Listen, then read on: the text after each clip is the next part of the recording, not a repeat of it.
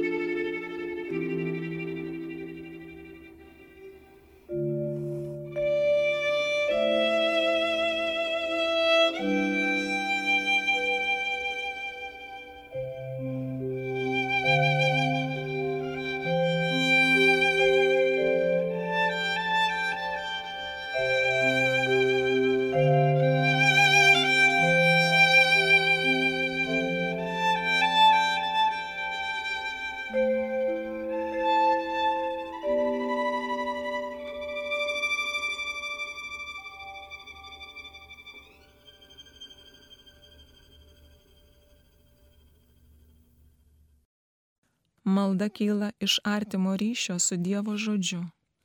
Ar mūsų šeimoje yra tas artimas ryšys? Ar turime namie Evangeliją? Ar kartais ją atverčiame, kad paskaitytume drauge? Ar apmastome ją melsdamiesi rožinį? Šeimoje skaitoma ir apmastoma Evangelija yra kaip visus maitinanti gera duona. O ryte ir vakare sėsdami prie stalo, mokykimės drauge pasimelsti labai paprastai. Tai Jėzus pas mus ateina, kaip ateidavo į Mortos, Marijos ir Lozoriaus šeimą. Vienas dalykas labai rūpi mano širdžiai. Miestuose yra vaikų, kurie nemoka persižegnoti. Tu, mama, tėti, išmokyk vaiką melstis, padaryti kryžiaus ženklą. Tai graži užduotis mamoms ir tėčiams. Šeimos maldoje, jos svarbiais momentais ir užklupus sudėtingoms situacijoms esame patikėti vieni kitiems, kad kiekvienas iš mūsų šeimoje būtų saugomas Dievo meilės. Apie tai, kaip galima melstis, randame nemažą patarimų. Evangelijose aikštėn iškeliami du meldimosi būdai - klaidingas fariziejaus ir kitas autentiškas muitininko. Fariziejus įkūnyja nuostatą, kuri atspindi ne padėką Dievui už jo geradarybės ir gailestingumą, bet veikiau pasitenkinimas savimi. Fariziejus jaučiasi teisus, mano gyvenas teisingai, todėl tuo giriasi, bei nuo savo aukšto piedestalo smerkia kitus. Muitininkas priešingai daug nekalba, meldžiasi nusižeminęs, suvokdamas savo nevertumą, silpnybės Šis vyras tikrai pripažįsta, kad jam reikia Dievo atleidimo, Dievo gailestingumo. Muitininko malda tai vargšo malda, Dievui patinkanti malda. Malda, kaip sakomas ir atsido knygoje, pasiekianti dangų, o fariziejaus tuštybės legiama malda. Šių žodžių šviesoje galime savęs paklausti, kaip melžiamės, ar bent kartais tą išdrįstame padaryti šeimoje. Žinome šeimų, kurios meldžiasi. Tačiau daugelis man sako, bet kaip melstis? Akivaizdu, jog kaip muitininkas, nusižeminus priešais Dievą. Nuolankiai, leidžiant viešpačiu į save pažvelgti ir meldžiant jo gerumo, kad jis pas mus ateitų. Bet kaip melsti šeimoje? Juk atrodo, kad malda yra asmeninis dalykas Be to šeimoje tam niekada nėra tinkamos ramios akimirkos. Taip, tai tiesa, tačiau sikiu tai yra ir nuolankumo klausimas, būtent kaip muitininkui - išpažinti, kad mums reikia Dievo, o Dievo reikia visoms šeimoms, mums visiems, visiems visiems, mums reikia jo pagalbos, jėgos, palaiminimo, gailestingumo, atleidimo O norint melstis draugė šeimoje, reikia paprastumo. Sukalbėti prie stalo tėvę mūsų nėra kažkas ypatinga, tai lengva. Labai gražu šeimoje melstis rožinio malda, jis suteikia jėgų ir melstis vieniems už kitus, vyrui už žmoną, žmonai už vyrą, abiems už vaikus, vaikams už tėvus, senelius, melstis vienam už kitą. Štai ką reiškia melstis šeimoje o malda stiprina šeimą.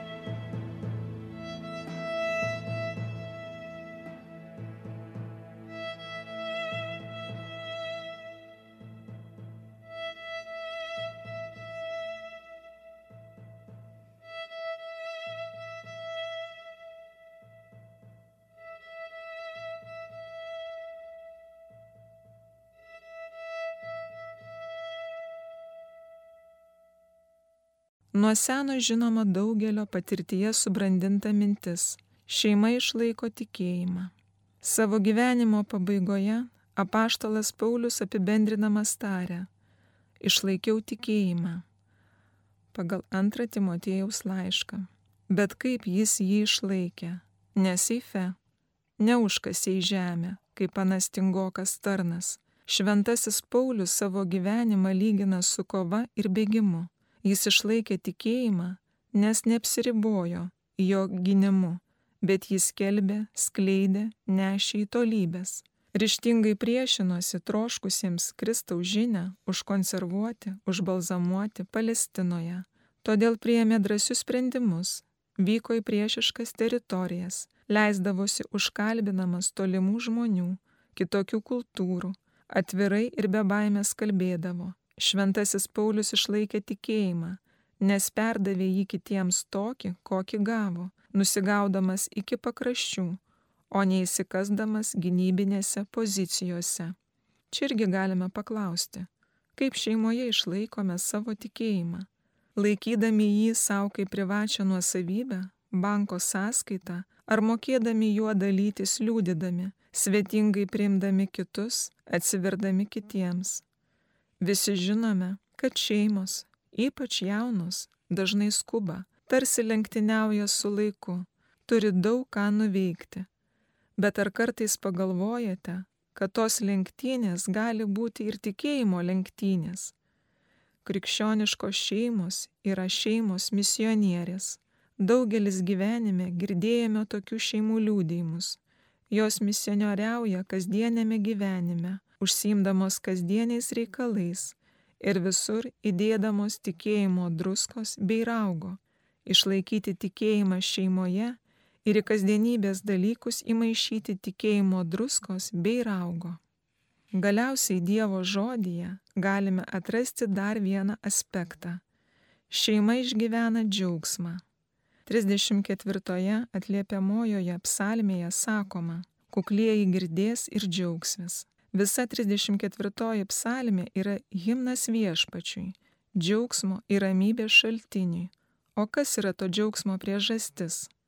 Štai ši. Viešpats yra arti. Jis girdi nuolankiųjų šauksmus ir išlaisvina juos iš blogio. Apie tai rašė ir šventasis Paulius. Visuomet džiaukitės viešpatyje. Viešpats yra arti.